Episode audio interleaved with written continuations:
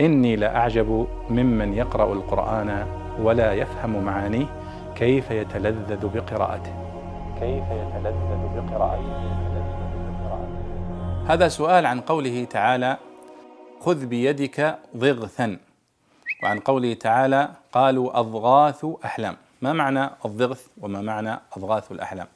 الضغث هو ما يجمعه الإنسان بيده من العشب وغيره.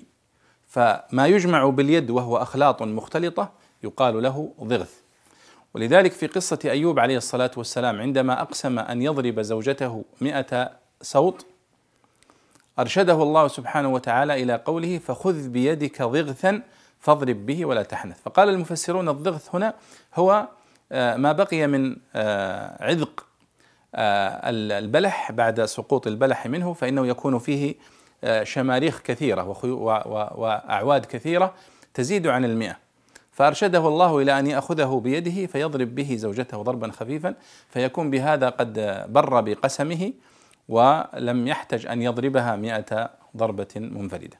فالضغث إذن هو ما جمعه بيده من هذه من هذا العذق وضرب به زوجته. وأيضا في قوله سبحانه وتعالى قالوا أضغاث أحلام أضغاث أحلام أي مختلطة لأنك عندما تأخذ بيدك آه، ضغثا من العشب أو شيئا من العشب مختلط بعضه مع بعض فإن الأحلام التي لا يصعب تأويلها الأحلام المختلطة التي يراها النائم في في منامه يقال لها أضغاث أحلام بمعنى أنها أخلاط مختلفة يصعب تأويلها.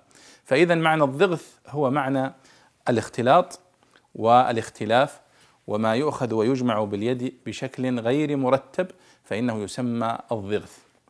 وقد ورد في القرآن الكريم في هذين الموضعين. في قوله فخذ بيدك ضغثا وأضغاث أحلام وردت أيضا في موضعين. والله أعلم.